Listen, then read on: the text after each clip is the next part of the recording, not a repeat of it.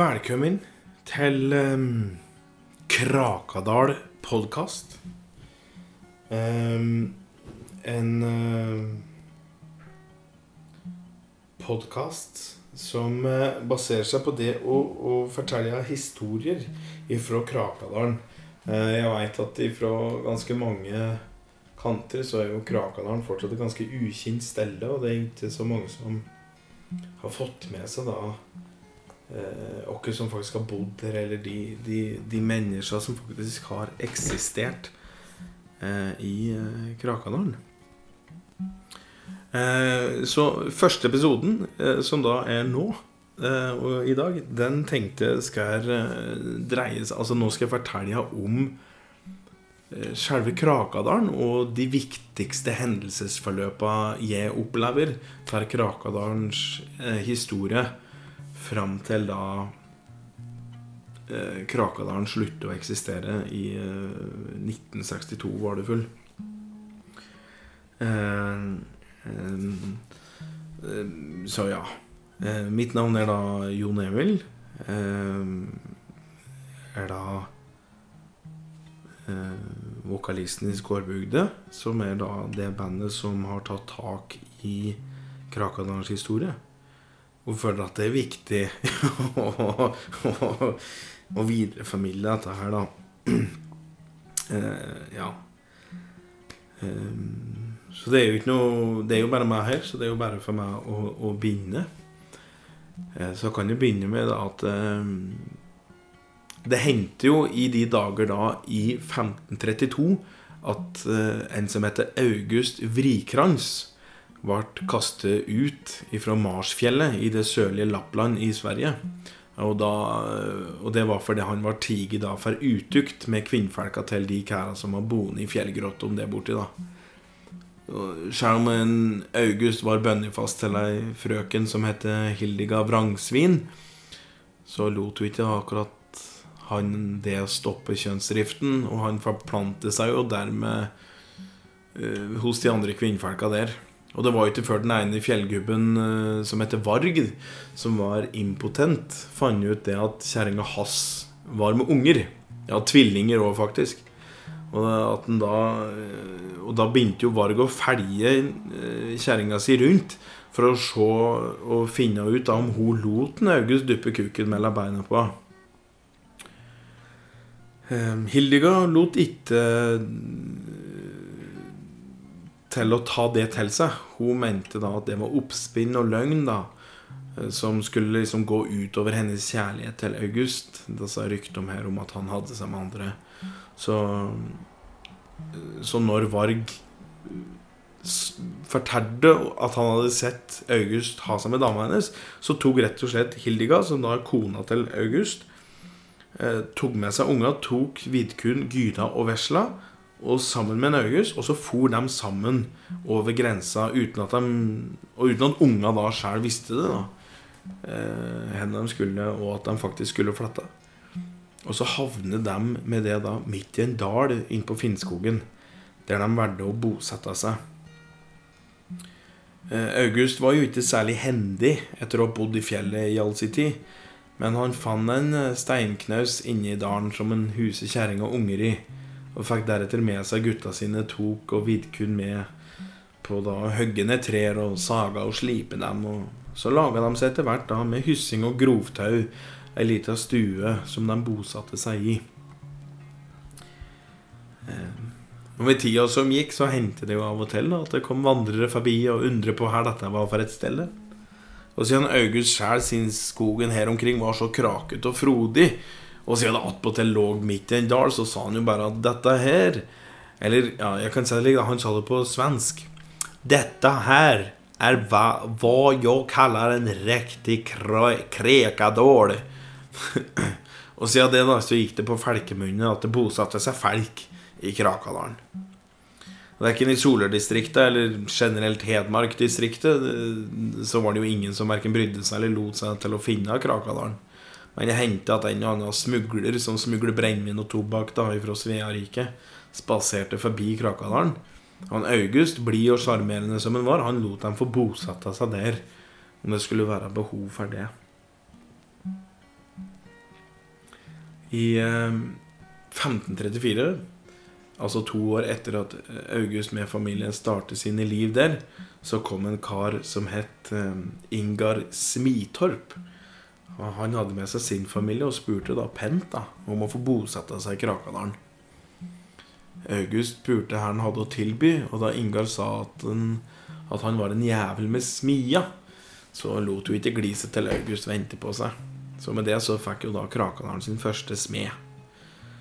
Og med Ingar så kom jo òg da muligheter i form av våpen som kunne brukes i jakt. Ingar bygde både ermbrøst og hakabørser, slik at August og gutta og Ingar og sine gutter, Tyge og Tage, kunne fare rundt da i skogen og jakte. De fisker mye, eh, og de fisker mye i det da som ble kalt Krakadammen. Som var da en innsjø bare noen meter unna stua til August og Hilga. Og Ingar si smiestue den lå eh, nær til sjøen. Men selv om hun hadde bosatt seg med kjerring og unger i steinhella som lå ved rota av dalen da. For det, det, altså dette var da mellom sjøen og steinhella. Så ja. Han smidde jo så klart og spiker, slik at husbygging og bygging generelt var enklere med verktøy og det som trengtes. Og både Tyge og Tage, Tok og Vidkun, var dyktige i husbygging da, og jakt. Og guda og Vesla stelte i stand mat og det som var. Og det var ikke mange måneder før Eller etter at Ingar og familie flettet til Krakadalen, at flere valgte å flette til Krakadalen. Men det var som regel folk som hadde havnet utafor sine egne bygder, som da tok beina og flettelesset med for å sperre August Vrikrans, som de òg kunne få bosette seg der. Og August, kvinnekjær som han var, skatte først på kjerringen og dømte dem da ut ifra utseendet om de kunne få bygge og bo der. Det hendte gjerne at uh, håpefulle innflattere som hadde bikket 40 år, de ble da pent uh, bedt om å finne seg aresal å bo. For de, var, for de, hadde med damer som ikke var pene nok. Uh, ja, så ekstrem var August, rett og slett, da de skulle flette. Um, I 1578 da ble bygda Krakadalen ei riktig bygd å regne med, uh, med sine daværende 188 innbyggere. Og slik skulle det stå lenge at ikke Krakadalen fikk flere forbipasserende innflyttere. Uh, dette året, uh, 1578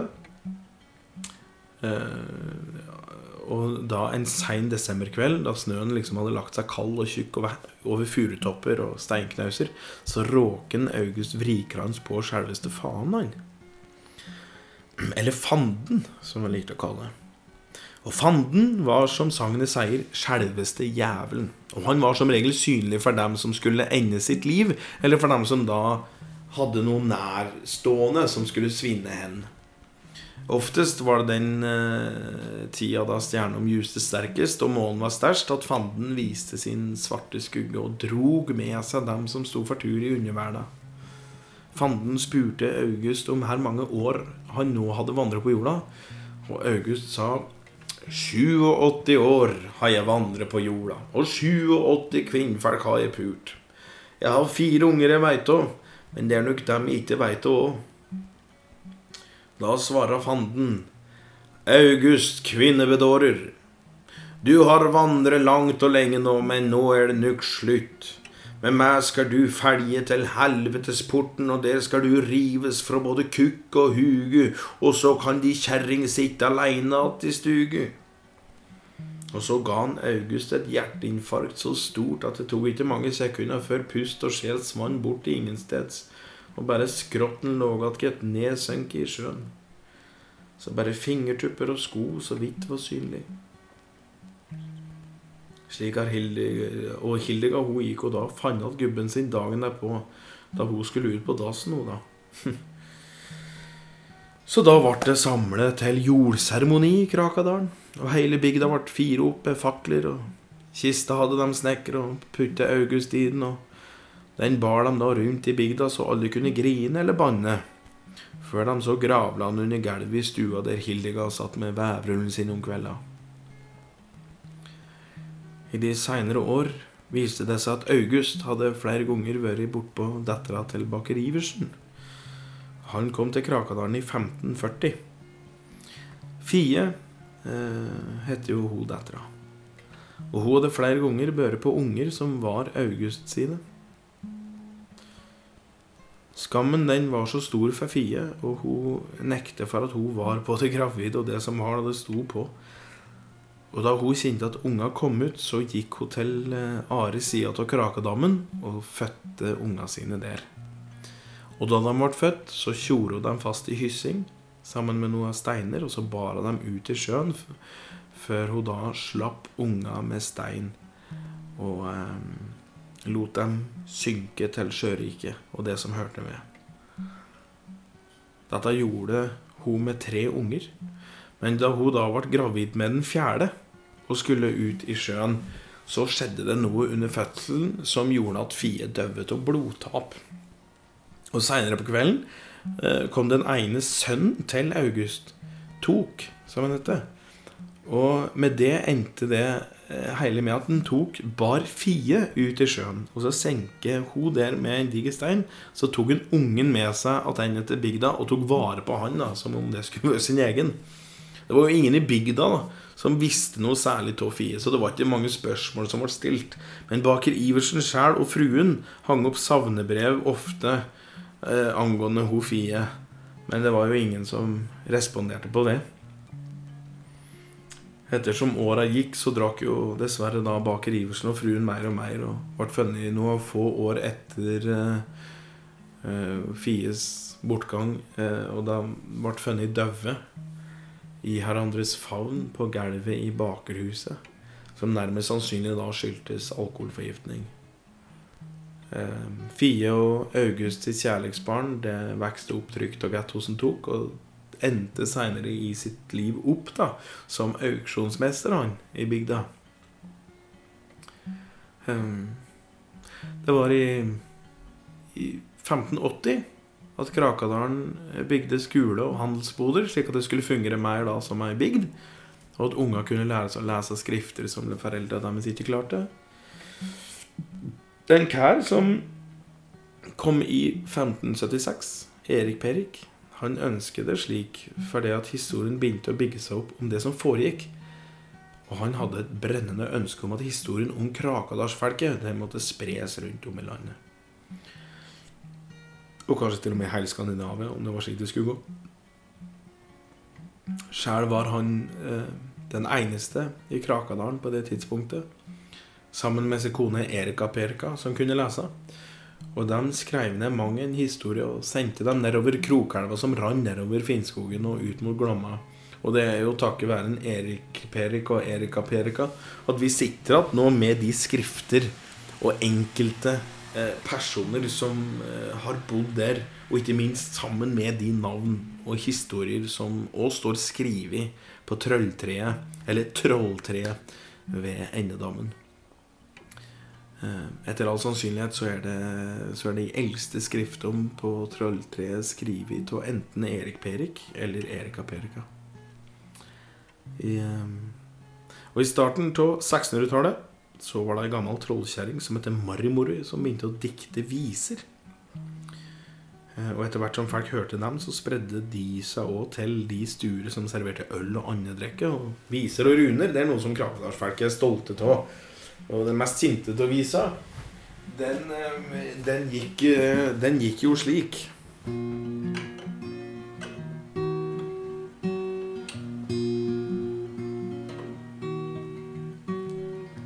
Kan du minnes dagen du kom, minnes du mi hånd?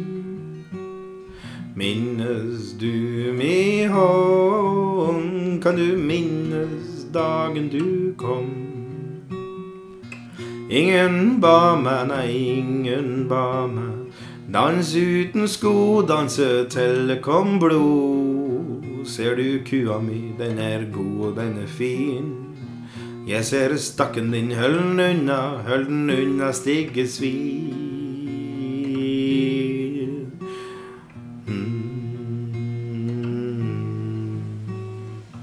Kan du minnes dagen du kom? Minnes du mi hånd? Minnes du mi hånd? Kan du minnes dagen du kom? Kan du minnes dagen du do? Minnes du mi hånd, minnes du mi hånd? Kan du minnes den dagen du do? Kan du minnes dagen du do?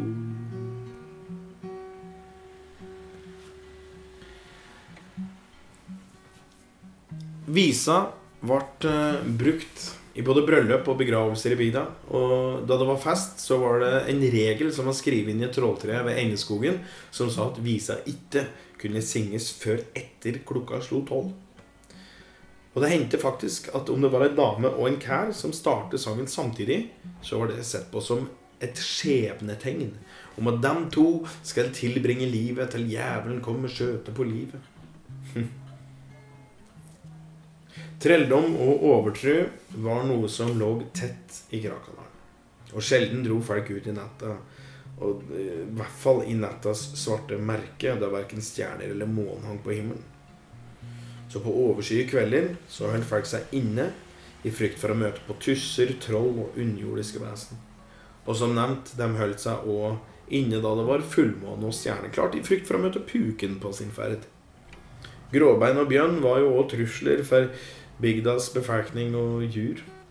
Og hørte de vargen der ute, da tok de det òg som et tegn på at puken vandrer stilangs på jakt etter noen å dra med til helvetesporten.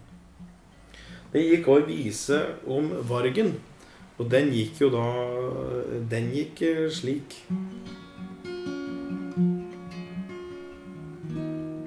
Nei, ja.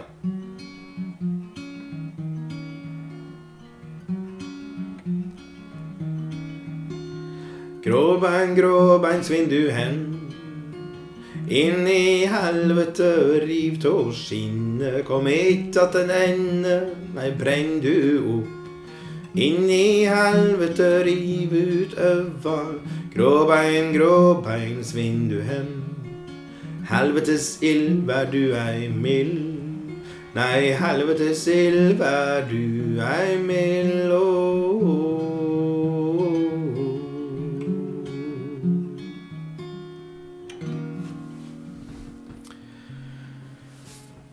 I eh, år 1632, 100 år altså, etter at August Vrikrans fant plassen, kom bygdas første lensmann inn. Og det var jo en slags eh, regel på bygda at eh, bygda den skulle få bare ha én lensmann, slik at de som da brant brennevinet, skulle da få kunne brenne i fred. Dog eh, skulle de som for med drap på sine sinn, de skulle jo selvfølgelig henges da opp i et tre. Heldigvis var det lite kriminalitet i Krakadalen, egentlig. Det hendte riktignok i de seinere år at kriminaliteten steig, men det skjedde ikke før i starten på 1800-tallet. Før den tid da levde Krakadalens befolkning et rolig og fredelig liv med mye godt brennevin, god kaffeslabberas og godt humør. Det var riktignok hemmeligheter som aldri så huset. Men ja, det skal du få høre mer om i de skjebner som har blitt skrevet om. Eh, Gardsdrift var det mye av etter hvert. Og folk de høgg tømmer, dyrker jord slik at mat ikke var et særlig problem. Og med avling av både høner, hester, kuer, sauer og geiter, kaniner, griser og hunder. Ja, da det var rent ei trivelig bygd, det som vokste fram der. og... Eh, der liv og yre og dysterheten lå skjult i tåka. Um, da året vendte 1678, kom bygdas første prestinne, Helega, heter hun da. Men det var da i 1678 da kom bygdas første prestinne. Og hun, eh, Helega, hun krevde at bygda skulle bygge ei kjerke, selv om fåtallet ikke akkurat var truende. Men hun krevde det for det om slik at Guds gode ljus skulle da få muligheten til å trenge gjennom skogens tvingende merke. Eh, gubba i bygda bygde ei lita kjerke med plass til noe titalls folk. Eh, Men allerede første natta, som da var sankthansnatta, da tok jo kjerka fyr. Fordi at noen unggutter syntes at sine egne sankthansbål, eh, som allerede hadde blitt fyrt opp, det var for lite. Så de satte da fyr på kjerka. Eh, Innbyggere de fant jo de to gutta som hadde gjort dette her, på henholdsvis eh, 12 og 13 år. Tvingte dem med pisken til å bygge en ny kjerke til helga. Og etter en måned med pisk og blodsmak så sto eh, kjerka faktisk klar. Enda mindre enn en ferge, riktignok, men ei kjerke endog. Eh, Gimle, som var da den yngste av gutta, han døde da ikke så lenge etterpå, eh, etter de eh, piskeslaga han var gitt. Dog skulle jævelen ha det slik at under både At under hans begravelse, som da var 24. juli i 1678, så satte altså den are guttungen peil fyr på kjerka og brann både liket eh, til kameraten sin og prestinne og egentlig alle Gimles pårørende. Eh, I eh, 1720 var jo da året da Krakadalen fikk besøk av samer. Og med det så starter jo et reelt samarbeid da, mellom de to velgergruppene, om man kan kalle det det, eh, som da gikk ut på hembrentsaffærer. Eh, For her liter med hembrent som ble gitt til Samom, så gikk det tre reinsdyr til Krakadalen. For du må vite at hembrent eh, Altså det, det hembrente til Krakadalsfolket, det sørger for at en eh, kunne forstå det som da ikke var vanlig å forstå seg på på den tida der. Som da f.eks. herfor tåka la seg lavt over berget og gjorde det umulig for vandrere å vite hen de var. Eh, Men etter at de da hadde tiget et par brennevinsklunker på forhånd eh, av tåka, så kunne de se tusser som danser i tåka. Eh, Og da var det jo bare å legge seg ned og spille døv, egentlig, helt til tåka ble borte. Eh, Hvorfor det er jo selvfølgelig vanskelig å sitte og tenke på nå, men, eh, og hvorfor de lot seg tro at det var lett å forstå seg på tåka fordi at det da var tusser å se i tåka, og da spiller det At det er en logikk der som er litt vanskelig, men men, men slik står det skrevet på trolldomstriet. Så vi får bare Bear with me. Vi får lett det være, tenker jeg. Eh, Samesamarbeidet eh, det holdt jo på da helt fram til 1851. Eh, og det lot seg da slutte pga. at det var en samekonge ved navn Birki Danel. Eh, eller Birki Danel eller, ja, Det er litt vanskelig å uttale. Jeg vet ikke helt Birki Danel da, kan vi kalle han. da som ikke, Han ønsker da ikke mer brennevin fra Krakadalen. For det unge oppe i samelandet de stjal jo dette ved flere anledninger og ble helt gærne i huget. vet du Fløy rundt og satte fyr på lavvo og reinsdyr og faen. vet du. Så dermed da så sa han Birk Daniel, det at eh, Intet sprit fra Krakadalen får ei lev å smyge seg opp gjennom våre samiske grenser, og intet reinsdyr skal bittes bort til Krakafelket. Men vennskap skal vi alltid bevare. Dette sa han sikkert ikke på Solung, dette tenker han sa på uh, sin egen dialekt, men uh, det skal jeg ikke begynne å pirke på nå. uh, fra og med 1750 i hvert fall. Nå hopper vi jo langt, men slik er det. Eh, fra og med 1750 og utover så står det mye svart i bøk om, eh, om Krakadalen. Eh, dessverre var det slik at djevelen farte rundt og var spesielt da på jakt etter unger i denne, i, i denne tida her. Eh, hvis en familie i løpet av si tid hadde fått eh, fem unger, så kan du regne med at det ofte var to av dem som døde under fødsel, mens det tredje døde i løpet av sitt første år. Eh, mange la skulda på Edel Vintermare, eh, som kom da i 1749 til Krakadalen fra et sted som heter eh, Favnvassdalen, nord i Norge. Et sted som var forbannet av svartedød og sørgebors. Det var ikke lenge etter at Edel kom til Krakadalen, at jævelen dro rundt og hentet de en da skulle ha. Og til bygdas forbannelse så var det ofte de brukende og likende av folket som måtte bli med til underverda. Så i eh, 1762, etter et eh, dødsfall av en liten smærklump av en gutt som heter Læras eh, Eller Leras, heter han jo. Leras. Eh, så så bygda seg nukk på trolldommen som Edel Eller de mente at Edel hadde driget med seg til bygda. da Og dro hun da ut etter håret fra plantehuset hennes, før de da så spikrer hun opp etter veggen og kaster øks på henne. Her har du å si til den jævelen du har påført, ble Edel spurt om av Krakadals storbonde Iver Nystu. Den jæveldom som farer her i bygda, er det du sjæl som står for. Sjæl har jeg gitt ut både karameller og husrom til de barn du ikke makter å ta vare på sjæl. Og når puken sjæl fører han må ut og redde unga deres til dum, dummes egne lidelser som du sjæl påfører, ja, da er det vel heller du sjæl som må nagles opp enn ei stakkars lita frøken fra Faunvassdalen, svara Edel. Men det hjalp ikke så mye for hun det med de siste orda der. Og det hjalp jo heller ikke bygda at de egentlig tok livet av Edel med da to øksekast. Unga deres fortsatte jo bare å bli med puken til underverda, og enkelte foreldre tok sine egne liv i håp om at det skulle skåne deres egne unger. Men dessverre var det slik at Edel, som tidligere var de husløses ungers mor, hun var jo nå borte. Og med det var det jo ingen til å ta vare på unga heller. Og slik gikk det da til at hele familier i noen tilfeller svingte bort i jorda for å miste både navn og sagn.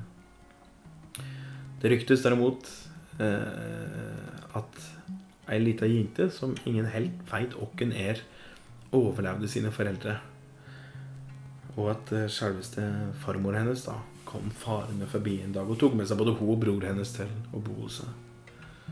Noe som var sjeldent på den tida eh, i Krakadalen, men Kjempeålreit. Kanskje. Eh, så var det i 1801 Først da at puken hadde fått sitt. Og roe dermed med Og dermed ned. Han roet dermed ned sine tokt. Eh, Bigda kunne etter hvert puste ut og gå tilbake til sine fredfulle liv med gardsdrift og dyrking.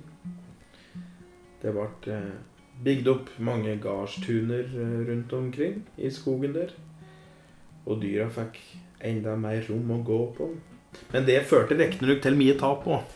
For både varg og bjørn og grevling og gaupe og rev og jerv de farer jo rundt i skogen. Og de nørte ikke lenge om det sto ei ku eller en sau og beit opp etter dem. vet du. Og slik gikk det jo da til at jaktdriften ble trappet opp hos både kar og kvinnfolk. Så de farer jo rundt i skogen, vet du på jakt etter rovdyr. Og det var da særlig ei som utmerker seg i jaktsammenheng. Ei ung frøken i tidlig 20-åra, alenemor til en liten gutt, for rundt i skauen og ble en kveld da nesten landskjent, altså etter at hun drepte selveste ulveprinsen. Den gylneste og farligste ulven på disse trakter. Etter at hun tok ulveprinsen, så overtok hun storjegerboligen som lå nærmest sjøen, og hadde hele to soverom, troférom hadde hun, et digert bålrom med kjeler og kar, slik at hun kunne lage storslåtte måltider av det som hun da hadde felt rundt omkring. 1800-tallet generelt gikk jo rolig for seg i Krakadalen. De sleit fortsatt med kjerkebranner, litt slessing og noe kjeltringer, men lensmannen rundt omkring han ordna opp i det han kunne. Dog må det sies at med litt mer stabilitet, oversikt og omsorg fra lensmannens side, så hadde det nok mye kunne vært i avverge i dette århundret her. Men eh, Dessverre var lensmannen en eh, strevsom sjel som ikke visste forskjell på verken høyre eller venstre etter hvert som han ble eldre og mer alkoholisert, egentlig. Folket kjente seg utrygge, og i 1844 eh, var det full, så ble det gjort et opprør mot lensmannen i bygda, der de trygla og ba. Da. og da var det ei som sa det eh, Vår kjæreste, snilleste landsmann, kjære Åge. Vi trenger at du er glad og lykkelig. Vi trenger at du bryr deg om oss og jobben din. Hvis ikke så må vi avse deg fra den posisjonen du har ervet. Lensmannen han satt innenfor dæra si på dette tidspunktet, og han var visst allerede litt påseilet når han svara da Forbanna bygdefogd og kuksnarer. Samme faen hva jeg gjør eller tilbyr, så er det ingen som vil ha noe med meg å gjøre. Foruten ordførerens såre frøken, men hun har jeg knullet så lufta gjør meg kvalm. Nei, reis hjem og brenn opp alt du finner, og duker og pledd, så får vi se om ikke sognepresten gjør opp for seg. Det er for øvrig han som sitter med alt av hestekjøtt og svinepølser og lyse staker som har blitt stjålet her i det siste. Og når lensmannen da svara det, så var det jo så klart mye forvirring ute og gikk da blant hopen. Men samtidig så var det noe som var snodig med det lensmannen hadde sagt. For, han, for hen var jo egentlig sognepresten oppi alt dette her. Trossamfunnet i Krakadalen var jo enormt lite. Og ettersom eh, kjerkebrann var noe som hendte til stadighet, så holdt ikke kirka mer enn ti mennesker samtidig, vet du, inkludert presten i de dagene der. Dog presten hadde ikke vært med for å riste livet lensmann, og riktig som lensmannen hadde sagt. Da de banket på prestestua, da satt han jaggu der og åt seg tjukk og feit på hest og gris under tente ljus. Presten tjorde dem fast til sjukdomstre, slik han skulle smittes av all sjukdom og dø. Sjukdomstre er for øvrig eh, et krokete og vridd tre som, eh, som sto da ikke så langt unna bygda. Der trøllkjerringa Marimori hadde sørge, eller sørgefellskolera, hadde sunget runer eh, og ordnet for de sjuke folk da, som ble lagt inn inntil treet. Mens hun sjøl da trasker rundt tre, og gjerne under ei spesiell grein som hang litt buete over så litt ut som en port. En liten bue som stakk ut fra treet. Så hun gikk da rundt mens hun da sang runer. Og runa hun sang eh, mot Altså når presten hang der, det var jo da ei rune som heter 'Rune mot uhell og sjukdom'. Eh, den går jo da slik Tvi, tvi, stigge kurv, tvi, vonde verkevesen, maner deg, besverger deg, til det gyngende helvete ned i sugende sørkjekjella. Svelget på den brokete binna, i ormens sinte fitte, i ræva på den fine frua, i skjegget på de gamle gubba, over trea under kjerkegarda. Fra helvete kom du, til helvete skal du til skaperens kloster, der de gode løftes opp, og det onde dyttes ned, nyfødte føres ut. Hm. Etter hvert som åra gikk, og helbreder flere og flere folk ved å putte all sykdom inn i treet, endte det opp med at treet etter hvert så så kroket og vrengt ut. At folk var overbevist om da, at ingen nå kunne ta på treet for da ville de døve av all verdens sykdommer. Så inntil da det ene av 17 totalt sykdomstrær Så inntil da sykdomstreet som da lå med krakenavnet der, det lå sognepresten. Eh, men det var nok ingen sykdom som tok livet av han eh, her. For etter noen timer, mens presten sov ut middagen, da kom det jo fire ulveskrømt forbi da, som ikke hadde fått i seg mat på flere dager. vet du. Den største han gikk først i køen og startet med å skambite presten i trynet og reiv av du, og fløy til skogs, mens resten av ulva dem de delte jo da resten av presten broderlig. Noe særlig orden på Krakadalens lover det ble det ikke akkurat før etter at lensmann Åge gikk av, da, som for øvrig var en påtvunget avgang eh, som skjedde da i 1846. Eh, og den kom jo da etter at den smalt ordførers kone på tjukka. Han, eh, han fikk tilbud om å være trubadur på, bok, på Bukken bod, men Åge sa at han heller ville ete glass enn å spille gitar. Så da i 1962 var det derimot slutt for Krakadalen, etter at hele bygda da brant ned, dessverre, med alle dens innbyggere. Men eh, heldigvis så er det historier mange om dem som bodde der, og ikke minst om hvordan livet fungerte på den tida. Så denne podkasten nå videre Eh, den her skal jeg da fortelle om de mennesker som var med og bodde i Krakadalen, og var med på å bygge Krakadalen, og deres livsberetninger, rett og slett. Så for hver nye episode som nå kommer, så blir det en ny fortelling. Eh, hvis det er interesse for det, selvfølgelig. Eh, og så neste episode så begynner vi allerede da med grunnleggen og den aller første som kom til Krakadalen med sin familie. Damebedårer August Vrikrans. Så eh, ja. Det er bare å følge med.